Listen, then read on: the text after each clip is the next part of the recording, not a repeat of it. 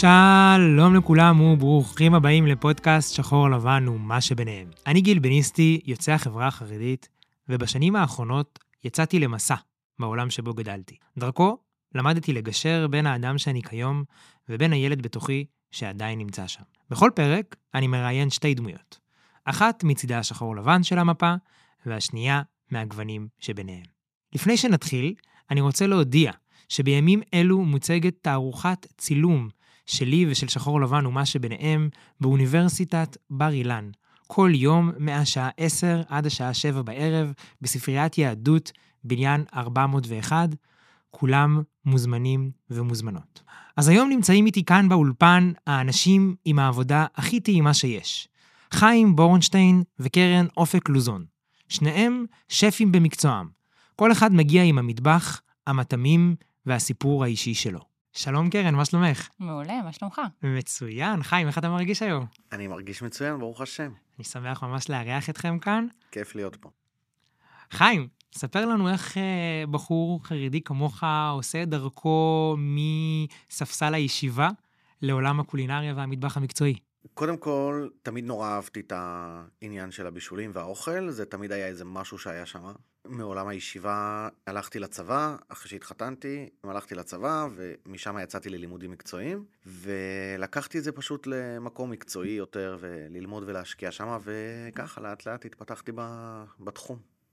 וואו, מרתק. לא, לא כל אדם, אה, אני למדתי בישיבה כמוך, אני אציין שהתרחקתי מהמטבח אה, כרחוק אה, מזרח ממערב. כאילו, אצלנו זה היה כזה ממש שף, או אפשר להגיד אפילו טבח כזה, שמבשל, והבחורי ישיבה בבס מדרש לא, לא מתקרבים לשם אפילו, רק בארוחות. נכון, אבל כשהוא לא היה עושה אוכל כמו שצריך, אז היו צריכים להגיע.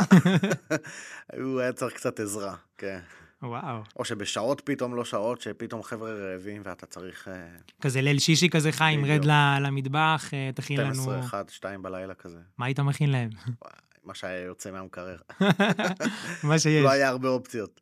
וואו, ובצבא, איפה שירתת? בצבא דווקא לא הייתי במטבח, שירתתי בחיל האוויר, אבל uh, גם תוך כדי הצבא כבר יצאתי ללימודים, וכבר uh, עשיתי כל מיני דברים, וזה מאוד עזר לי, החלק הצבאי. גם עשיתי כל מיני לימודים סתם uh, מקצועי, כמו מתמטיקה ואנגלית וכל הדברים, שבאמת עוזרים לי עד היום, גם בקריירה. מעניין. אז, איך, כן. איך מתמטיקה משפיעה על, אה, על המטבח? שאלה של תם. מה זה משפיע? אולי לא באופן ישיר, אבל זה משהו שמפתח לך את המוח. אתה לומד לחשוב, לומד לחשב, לומד לעשות דברים בלי, בלי להתאמץ יותר מדי. אתה פשוט יודע את הדברים.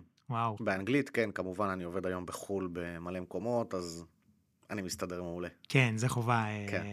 גם אני מאמין שגם אצלך, קרן, הלימודים, אה, נקרא לזה לימודי ליבה, השפיעו על העבודה שלך כיום. Uh, כן, בהחלט, הלימודי ליבה הם uh, חשובים מאוד לקריירה במטבחים, במיוחד בתור מנהל. ברגע שאנחנו מנהלים, אז uh, יש לנו הרבה יותר דברים שאנחנו צריכים להתעסק איתם בחישובים, אם זה מתכונים, ולהבין את הכמויות שצריך להזמין, ואיך להכפיל נכון מתכון.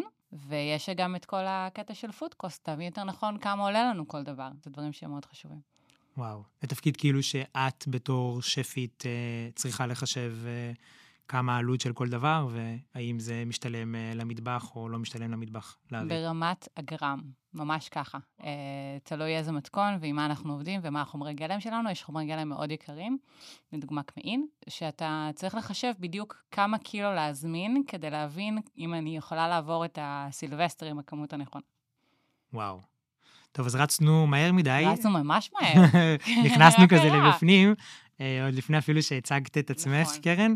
את, העיסוק שלך במקור הוא עולם ההייטק והתוכנה, ורציתי לשאול אותך כיצד את מצאת את עצמך בלב התעשייה. לא הייתי בתוכנה, אבל כן הייתי בהייטק. עבדתי okay. ב-HP אינדיגו במשך uh, כמה שנים, ומהר מאוד uh, הבנתי שזה לא הולך להיות העבודה הקבועה שלי, ובעצם uh, הלכתי ללמוד uh, קולינריה, למדתי בתדמור. באותו זמן גם הייתי מלצרית, בזמני הפנוי. אוקיי. Okay. לא יודעת כמה זמן פנוי היה לי, אבל היה. ומלצרתי באירועים פרטיים, ושם נמשכתי למטבח, ונכנסתי למטבח של השף שעבדתי אצלו, אצל רן שמואלי. תוך כדי הלימודים עשיתי גם את זה, ואיך שסיימתי, הלכתי לעבוד uh, בדלל, ומשם המשכתי. המטבח הבא, המטבח הבא, ו... ועד היום בעצם. עד היום. וואו, כן. אפילו גם לאחרונה השתתף במשחקי השף. איך החוויה שלך הייתה בתוכנית ריאליטי כזאת? החוויה הייתה מטורפת. אני חושבת שאחרי 15 שנה, קצת יותר, במטבחים, סוף סוף אה, יש איזושהי הכרה שהיא מחוץ לגבולות של האנשים שעבדתי איתם ויודעים מי אני ומה אני שווה. קיבלתי שם איזושהי הכרה שהיא שונה, ומסתבר שגם הייתי צריכה אותה. אה, הגעתי לשם. אנונימית, והשפים גם לא הכירו אותי. ובתוכנית הזאת והתהליך שעברתי שם, גם דייקתי יותר את עצמי והבנתי מה אני רוצה יותר מהאוכל שאני מכינה, וגם הכרתי שפים מדהימים ש... שהיה זכות להיות איתם באותו מקום. וואו. כן. נהדר, צפיתי בכמה פרקים שלך, אה, בהחלט אה, מעורר? אה, מעורר תיאבון. אמ, אני אני אהיה כנה. אני לא אדם שצורך יותר מדי ריאליטי בחיים. אני כן צופה לפעמים כחלק מהמחקר והריסרצ' שאני, יוצא- שאני עושה על, על מרואיינים. ספציפית, אני מאוד נהניתי לראות אותך בדינמיקה מול אנשים נוספים בתוכנית. קשה לי עם היחס של השפים, ה- נקרא לזה, המנוסים, למתמודדים של כאילו כזה, אנחנו גוזרים את החיים שלכם לחיים ומוות כזה, אתה תלך, אתה לא תלך. אז עם זה קצת קשה לי, אבל מאוד מאוד אהבתי לראות אותך אה, ואת ה, גם את היחס שלך לאוכל ולמטבח שאת מכירה. את באת מהמטבח ההודי, אה, כזה אני משפחה באתי מגיעה מהמטבח משם. הקלאסי. אני למדתי בישול צרפתי.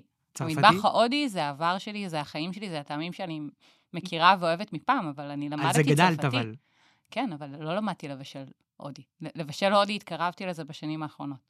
וואו, ואיך מדהים. החוויה של זה? כאילו, אני מאוד אוהב את המטבח ההודי, זה בעיניי אה, אחד המטבחים היותר אהובים עליי בתור אדם שבילה המון בהודו. אה, החוויה, אני מניחה שהיא עוד אה, מתרחשת, אז אני ממש בטוחה עכשיו איך להתקרב יותר ל- למטבח ולטעמים של הבית. אני מבינה שזה המון אני, כי כשאתמול היה לי אה, כוס חומוס אה, מושרה, הדבר הראשון שהלכתי לה, להכין זה משהו הודי. כאילו, זה לא היה רק אה, לחלוט אותם או לבשל אותם ול, ולאכול את זה קליל. זה, ה- זה הטעמים שאני אוהבת. אז כן, זה עוד תהליך שעוד, שעוד קורה, ונראה לאן הוא יוביל אותי. חיים, גם לך עולם הטלוויזיה והמדיה לא זר.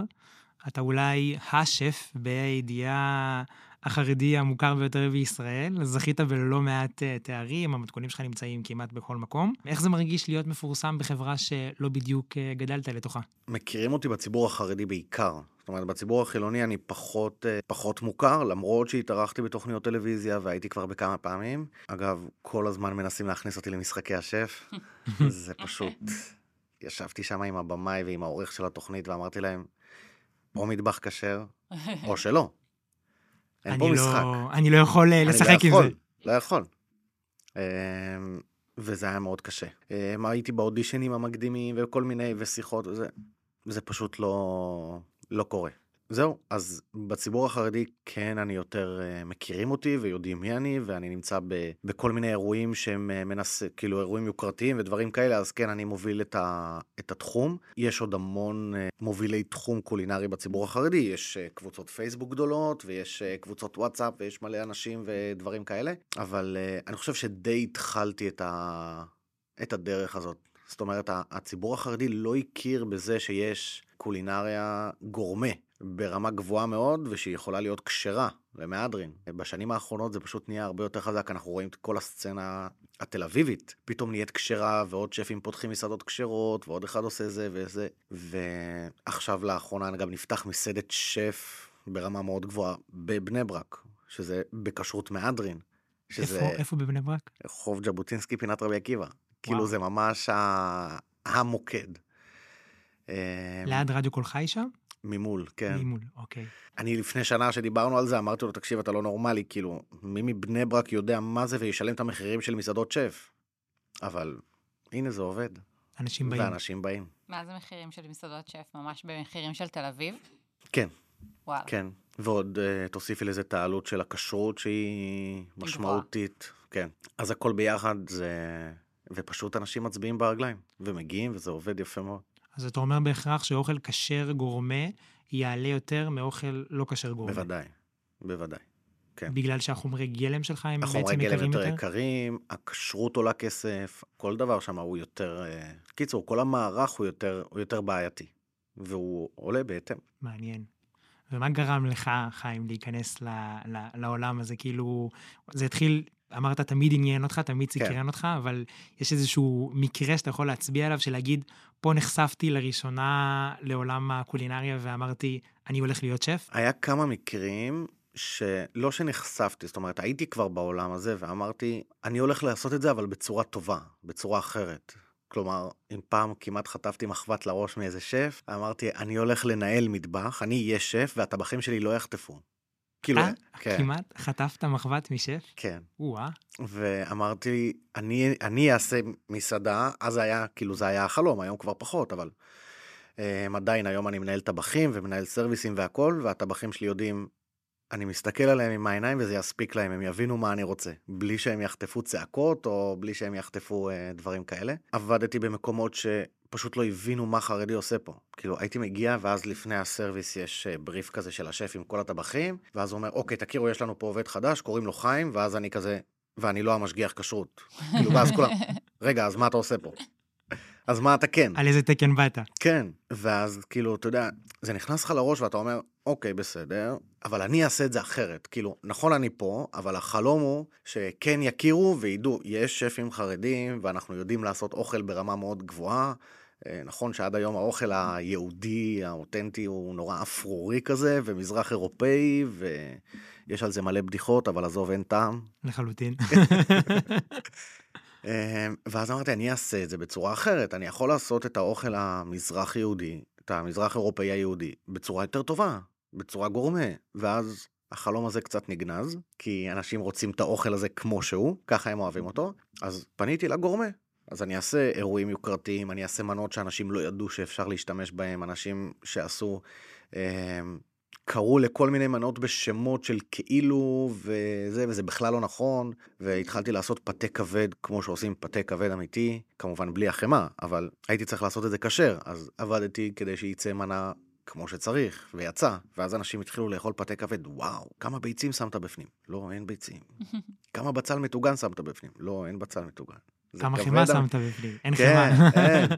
זה כבד אמיתי, וזה פתה כבד כמו שהם במסעדות בצרפת. וכן, ככה כל מיני מנות שאנשים כאילו היו קוראים כי וואלה, חיפשו שם לאיזה מנה ואז מצאו. יש מנה ב... ברוב המקומות החרדים, הארדקור, שנקראת קורדון בלו. אין כזאת מנה כשרה. אין דבר כזה, אי אפשר למצוא את החומר גלם. הזה פשוט. אי אפשר. אבל ככה הם קוראים לאיזשהו משהו ממולא וזה, בסדר. אז הם, זה, אין מה לעשות, זה חלק מה... אין לזה חותמת של זכויות יוצרים. זה אז כל חלק אחד עושה מה מהמשחק. שהוא רוצה, כן. לאט לאט זה נכנס, ואנשים התחילו להבין שהם רוצים דברים ברמה גבוהה, מצד אחד, ומצד שני, לא לוותר על הכשרות. אני רוצה לאכול סטייק טוב, מיושן, כמו שצריך, אבל מהדרין. אני רוצה לאכול אה, דגים טובים, נעים, סושי, לא יודע מה, קרפצ'ה, כשר מהדרין, וזה קורה. נהדר. ויש. איזה בשורה אתה מביא ל...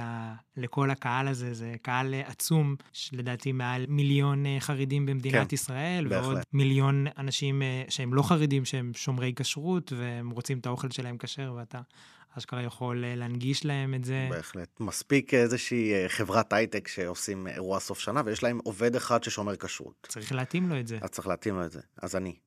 אמ, ובכל חיפוש ברשת, סתם תכתוב שף חרדי בלי קשר, אני עולה כל העמוד הראשון.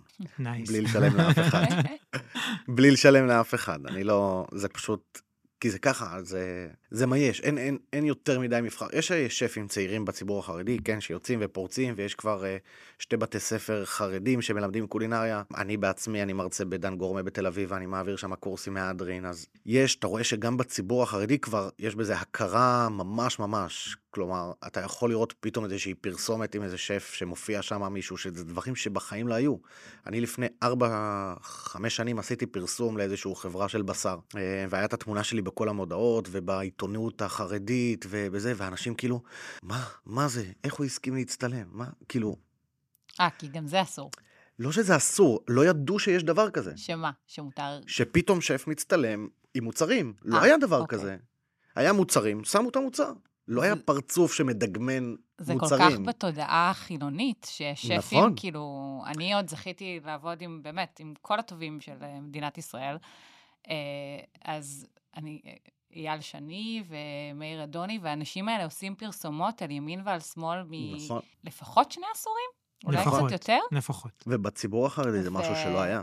בציבור החרדי זה רק עכשיו נכנס, וזה לא בגלל שאסור או, או מותר. הרבה דברים בציבור החרדי הם לא נעשים בגלל שהם בעצם כזה... זה לא מקובל. זה ספסט נישט כן. ביידיש. זה לא מק- מקובל. לא מקובל. אוקיי, זאת אומרת, אז את בעצם... תלכי עכשיו ברחובות בני ברק, מעטים הגברים שתראי הולכים עם תיק צד שכל תל אביבי הולך איתו. זה לא בגלל שאסור כן. ללכת עם תיק צד, אין איזושהי הלכה שאומרת, אל תלך עם תיק צד. הפוך, הולכים עם שקית של גלפן. נכון, הולכים עם שקית של גלפז, כאילו, זה, זה המקביל. אותו דבר גם פה, מאמין ששברת סוג של כן. תקרת זכוכית, בהחלט. שאמרת, אני שף חרדי והפרצוף שלי מופיע על מוצר שלי בסופר. כן, משהו זה משהו שאנחנו- שקרה עכשיו, אה, ממש בחודשים האחרונים, יש לי ליין של מוצרים חדש, סדרה של רטבים שאני עשיתי, אה, חמישה סוגים, אגב, התוכנית היא עד סוף השנה הבאה להגיע ל-45 מוצרים. כלומר, יש כבר את הרשימה מוכנה. וואו. בהצלחה. כן. המוצרים הבאים כבר, מיד אחרי פסח כבר יהיו על המדפים. נהדר. מקווים, כן? עובדים על זה קשה. זה השם. כן. אה, מדהים. תקשיב, זה וזה- כאילו, זה, שאתה הראשון לעשות את זה בתחום שלך. זה, כן, אז אתה נכנס לאושר עד, אתה רואה את אהרוני, אתה רואה את שגב נכון. ואותי. וואו. את גם רוצה להיות שם קרן יום אחד? פחות על בקבוק של אה, רוטב, אה, סליחה, כן. לא, זה בסדר הכל גמור. בסדר. אה, אבל כן, אני רוצה לתפוס מסעדה שתהיה שלי, עם השם שלי בחוץ. אה, לא קרן, כי כבר חיים כהן היה לו מסעדה כזאת long long time ago, כן. שזכיתי לאכול בה. באמת. בתור ילדונת, כן. וואו. אימא שלי מספרת לי ש... היה סיפור קבוע, שהייתה מספרת לי שהמלצר היה בהלם, איזה יופי ישבנו כשאכלנו במסעדה, ואז אחרי הרבה הרבה שנים היא אמרה לי, אה, כן, זה היה בקרן, את אכלת שם. אני כזה, מה? את באמת? אכלתי במסעדה שקרויה על שמי? שוק. קרויה שמי.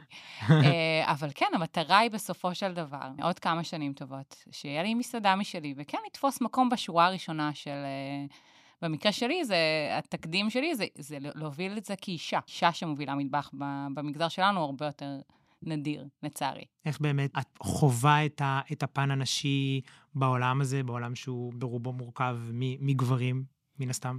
אה, אני מאוד מחפשת אה, דוגמאות, ממש מתקשה למצוא. יש לי המון חברות ואימהות שהן אה, מתעסקות בתחום הזה ופחות בולטות או פחות עושות. יש לי אנשים שעבדתי אצלם שמעוררות בהשראה, ואני רוצה לתפוס את המקום הזה לא רק לעשות את זה כל יום, וזו זכות שלעצמה, אלא לעשות ולהוביל את זה.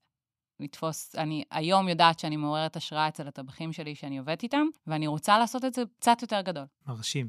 מה, כאילו, אם אני אומר לך, תדייקי לי, שימי לי את האצבע על קושי מסוים שאת, שאת חווה. מעצם היותך שפית אישה, ממש נניח את הדברים על השולחן. מה, מה, על מה את מצביעה? אז אני בדיוק עכשיו בין עבודות, ועושה רעיונות עבודה ל- למטבחים, שוב, לא, לא מתפשרת, אני הולכת על המטבחים הכי טובים שיש בארץ, ויוצא לי שאני נתקלת בשאלות שחד משמעית לא היו שואלים אותם גבר, ברמת מי מוציא את הילדים מהבית ספר, והאם יש לכם עזרה בבית.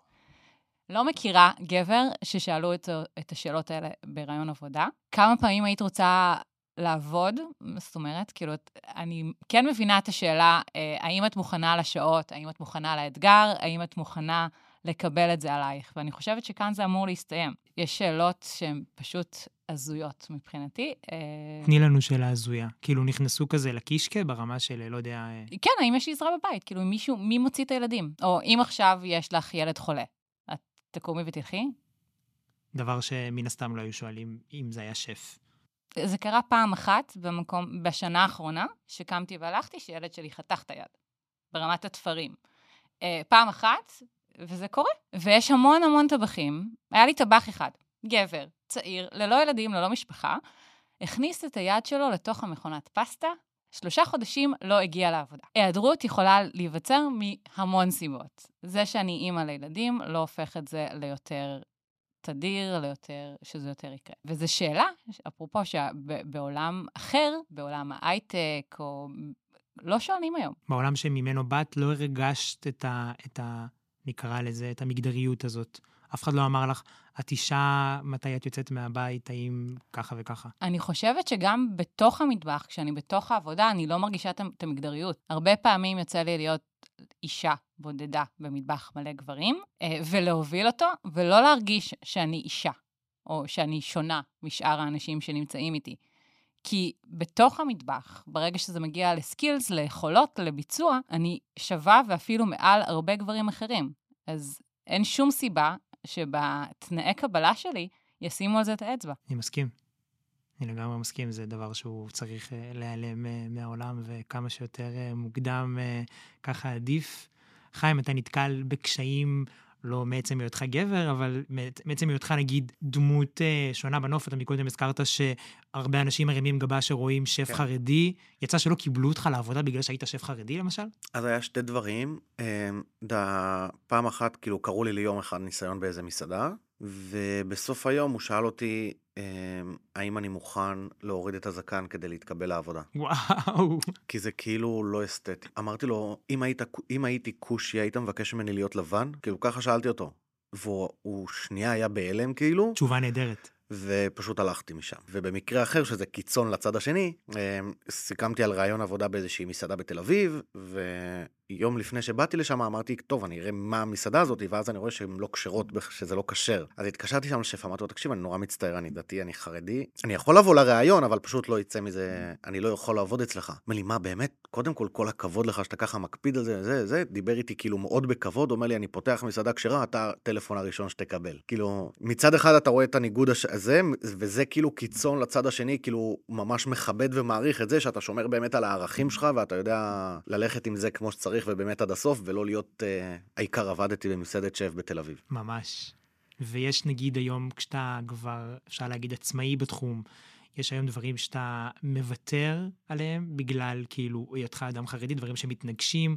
אה, ציינת מקודם חומרי גלם, אני מאמין שהיום חומרי הגלם כמעט קיימים בכל תחום. כן, היום מבחינת חומרי גלם יש לי הכל. אני עושה, אני עושה הכל.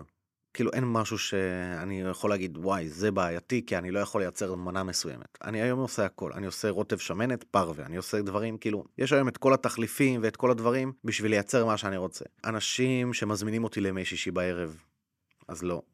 מן הסתם. כן. אה, מוצאי שבת תופס? אה, משתדל שלא.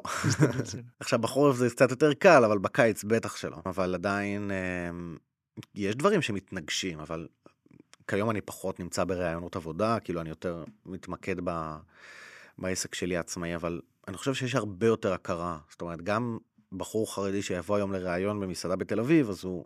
יהיה לו יותר הכרה בזה שכן, מגיע לפה גבר חרדי לעבוד, וזה בסדר, וזה לא יהיה כאילו עד כדי כך קיצון, כמו שאני חוויתי לפני 7-8 שנים.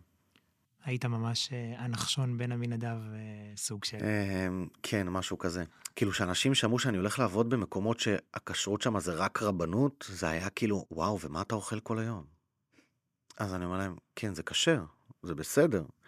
אז אולי בשרים ודברים כאלה אני לא אוכל, אבל כאילו, אנשים שעבדו והיו נחשבים כאילו שפים או טבחים בציבור החרדי, עבדו במטבחי ארטקור נורא נורא חרדיים, ששם היו מכינים את הצ'ונטים, את הקיגלים, את הגפילטה פיש. אני, מישהו מבקש ממני היום כזה אירוע, אני פשוט לא יודע איך לעשות את זה.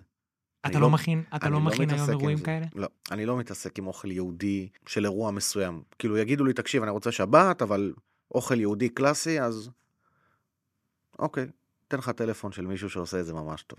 אני לא. אני לא. אוקיי, אז אני לא אזכה לראות או, או לטעום אה, קיגל שלך. אה, לא, למרות שיש לי באתר מתכונים של קיגלים, ויש לי באתר מתכונים של צ'ונט, ואגב, במאקו יש מתכון שלי לצ'ונט ולקיגל ירושלמי, אבל uh, זה לא דברים שאני עושה, זאת אומרת, זה לא ה... זה לא התעסוקה שלי ביום-יום, זה לא דברים שאני עושה אותם, uh, למרות שפעם אחת uh, עשיתי ארוחה לזוג, וזה היה ביום חמישי בלילה, והיא אומרת לי, תקשיב, בעלי כל חמישי בלילה מתחיל את הארוחה בגפילטה פיש. הוא. צריך גפילטה עם חריין ומיונז. אמרתי לה, תקשיבי, בנינו תפריט מטורף, לשון ושקדי עגל וצלעות, זה פשוט לא מתאים. כאילו, זה לא... לא- היא אומרת לי, ככה הוא מתחיל את הארוחה בחמישי בלילה, ואת זה אי אפשר לקחת לו. אה, טוב, אי אפשר להראות פה כי אנחנו ב... זה, אבל אה, הוצאתי להם מנה. הייתי צריך להסביר להם מה יש על הצלחת. וואו, ברמה כאילו, הזאת. כן, הם לא הבינו מה זה. ואז אמרתי להם, זה גפילטה פיש. אה, אוקיי. ככה נראה גפילטע כן. פיש? זה לא מה שסבתא לא, הכינה. ממש לא מה שסבתא הכינה, וגם אז ביקשתי מאמא שלי שתכין לי את הגפילטע פיש, לא אני עשיתי את זה. גדול. כן. כי אמא שלי מכינה את הגפילטע פיש הכי טוב. אני יודע שכל אחד אומר את זה על אמא שלו, אבל. אמא שלי באמת, טוב, נגעתם פה בנקודה רגישה. זה כן. אחד הדברים שאני הכי אוהבת בעולם. באמת. כן. דודה שלי הייתה נשואה לאשכנזי, וכל חג היה אצלנו גפילטע פיש, ואצלי זה כאילו ברמה של אם אני לא מצליחה להכין לקראת החג אה, בעצמי, אז אני מקבלת קופסאות מחברים. וואו. וזה הדבר הכי טעים בעולם. וואו. תראה, יש לזה סטיגמה נורא בעייתית. כן, יש לזה סטיגמה כי- מאוד כי בעייתית. כשאנשים הולכים לסופר לקנות, אז הם רואים את זה בצנצנות. ומה שיש בצנצנות זה רחוק כל כך ממה שזה גפילטע פיש באמת. מה שיש בצנצנות, זה, זה אפילו לא מתקרב באמת. יש לזה יחסי ציבור גרועים. מאוד. ממש, כן. ממש גרועים. גם הצבע שלו כזה זרחני. כמו של הסבתא מפולניה. רגע, אני יכולה כן. לשאול שאלה את חיים? בוודאי. בטח. חשבת אבל לקחת את המנות הקלאסיות של המטבח היהודי ולהפוך אותם באמת ל- לפיין, בדיוק כמו מאוד. שעשית עם הגפילטע פיש? כן, זה, זה היה החלום הראשון. ואמרתי את זה מקודם, פשוט שזה זה... מגנז. כן, כי אנשים רוצים לאכול את הרגל הכרושה כמו שזה, ואת הגפילטע פיש כמו שזה. ואת הצ'ונד כמו שהוא. ואת הצ'ונט ואת זה, חשבתי בהתחלה לעשות גפילטע פיש ולשלב בפנים, אה, לטחון סלמון או לעשות מזה משהו מעניין, ולעשות מהרגל כרושה, להביא בפנים חתיכות של בשר ושל שומן, זה פשוט לא יתפוס. וואי, כי אני דווקא הייתי ממש שמחה לאכול את זה ברור. ברור, אבל כן. זה פשוט לא יתפוס. אתה אומר כאילו בציבור החרדי זה פחות יתפוס. כן. יכול להיות שלצורך העניין אם תפתח מסעדה בשיינקין כזאת, יכול להיות שזה לגמרי יתפוס. אולי, אולי לא. אולי לא. כי הם לא יבינו מה, זה יהיה נורא קשה להסביר מה אתה מגיש. כאילו, אני מגיש גפילטע פיש בצורה נורא אחרת ממה שרגילים, אז אתה ממש צריך להסביר בכוח מה אתה רוצה לעשות על הצלחת, וזה כבר, זה מסבך את העניין.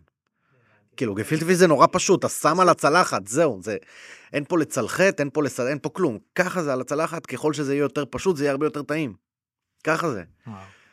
זה לא מנות גורמה, זה מנות שהן הכי ביתיות, הכי... זה נורא פשוט. ברגע שתתחיל לשחק עם זה יותר מדי, זה כבר... זה יוציא את כל הפאן מזה. כן. אתם מן הסתם, אה, בגלל שכל העיסוק שלכם, מסקרן אותי לדעת, זה המטבח. אתם כאילו יוצאים מהבית, הולכים לעבודה שלכם במטבח, לא משנה אם זה מסעדה או אם זה אירוע פרטי. אתם חוזרים לבית, אתם עדיין צריכים לאכול. מי, מי מכין את האוכל בבית? את, אתה, כאילו, איך זה הולך? אצלך למשל. אה, אצלי זה בדרך כלל בעלי מכין את האוכל. הוא אחראי על המטבח, הוא יודע איפה המלח נמצא, הוא יודע כמה, אם יש ביצים בבית ומה צריך לקנות, אבל אני מבשלת כשאני יכולה בבית. זאת אומרת, אם השעה עכשיו אה, חמש וחצי בבוקר, לדוגמה, סתם לזרוק, ואחד הילדים מתעורר ורוצה עוגיות שוקולד צ'יפס, אז אני אכין איתו עוגיות שוקולד צ'יפס. את תכיני לו בחמש וחצי בחמש בבוקר עוגיות שוקולד. צ'יפס? ועם השעה שלוש בלילה, וחזרתי מאירוע, ובעלי המהמם פתח לי את הדלת, כי הוא בדיוק סיים לתרגם, אה, הוא הוציא דברים, ואני צריכה להכין עכשיו לאכול. אני אקום ואני אכין לו לאכול. עזוב שכבר התיישבתי על הרצפה בשנייה, בדלת שנכנסתי, ו- אבל, אבל הוא, הילד, הילד, הבן אדם רעב, בעלי רעב, ואני אכין לו לאכול. אז אני יכולה לבשל בכל שעה, כל הזמן, אבל בדרך כלל בבית זה אוכל שבעלי מכין. הוא, הוא לרוב על המטבח, ואת קצת מדי פעם אה, נותנת יד פה ושם. כן, האמת שהוא עושה לי קצת משחקי השף. הוא מביא לי מרכיב, וקחי תתמודדי. כאילו כזה. קניתי את זה, אני לא יודע איך מבשלים את זה. קאטים וכאלה. מה, אתה מצאתי משהו? מעניין כן, בסופר. מצאתי משהו מעניין, תכיני, כזה. תתמודדי. זה קל, זה קל. לך. לי זה קל. לאדם מן השורה כמוני, שלפחות מבין. יתחיל להסתבך. כן, מה זה להסתובב? כמו שאמרת קודם, אני מתעוררת בבוקר עם אוכל, אני הולכת לישון עם אוכל, ואני בדרך מדברת עם אנשים על אוכל, ו... ורק חיה את זה כל יום. אז אה, כן, אז זה קל. מגניב. אתם פחות מתעסקים מן הסתם ב- בוולט. אתה אתה צרכן, אתה מזמין הרבה אוכל, או ש... אמ, לא באפליקציות. לא אני באפליקציות. כן הייתי רוצה לראות מה אני... מה אני אוכל. זאת אומרת, אני יכול להיכנס למקום ולהזמין אוכל מהיר, ואני מסתכל, ואני אומר, לא, פחות. פחות. כי יש לך, יש לך level גבוה, יש לך רף גבוה. אמ, לא בגלל זה, אני דווקא יכול לאכול גם אוכל מאוד נמוך, כאילו, ממש דברים נורא פשוטים.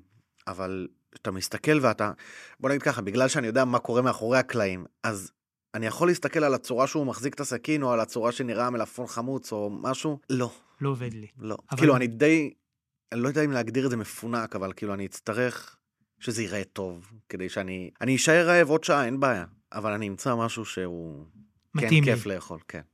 וביום יום אתה, אתה מבשל לעצמך בבית, כאילו, אם, אם יש כן. את האופציה. כן. מגניב.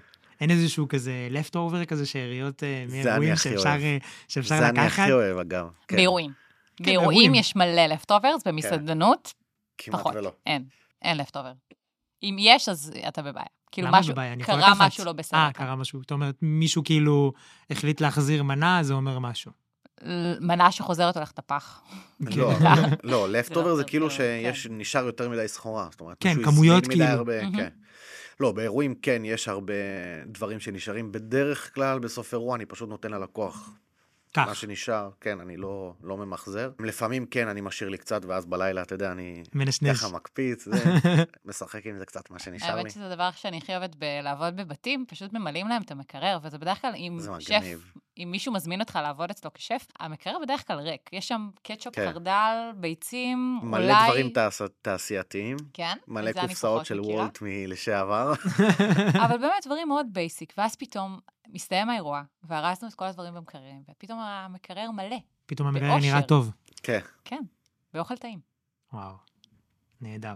הייתי רוצה להגיע איתכם לאירוע כזה, קצת אה, להשמין אה, באוכל איכותי וכשר או לא כשר, זה לא באמת אה, משנה. אה, מקודם את שאלת שאלה את חיים, וממש אהבתי את זה, רציתי לשאול, להעביר אליכם את התפקיד שנייה של המראיינים. אתם רוצים לשאול שאלה אחת את השנייה, אותי, משהו מסקרן אתכם? לא יודע. האמת, זהו, האמת שיש לי המון חוסר ידע בעולם של השפים החילונים. אני לא כל כך מעורבב, לא כל כך מכיר, אה, אז פחות, כאילו, אני גם יודע מה לשאול, אז... אוקיי, האמת שלי יש שאלה.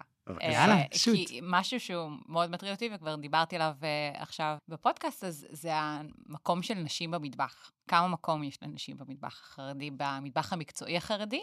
והאמת, מה שהתחלת לספר קודם, שיש בתי ספר שעושים את זה, כן. האם נשים מופרדות שם? הגברים מופרדים.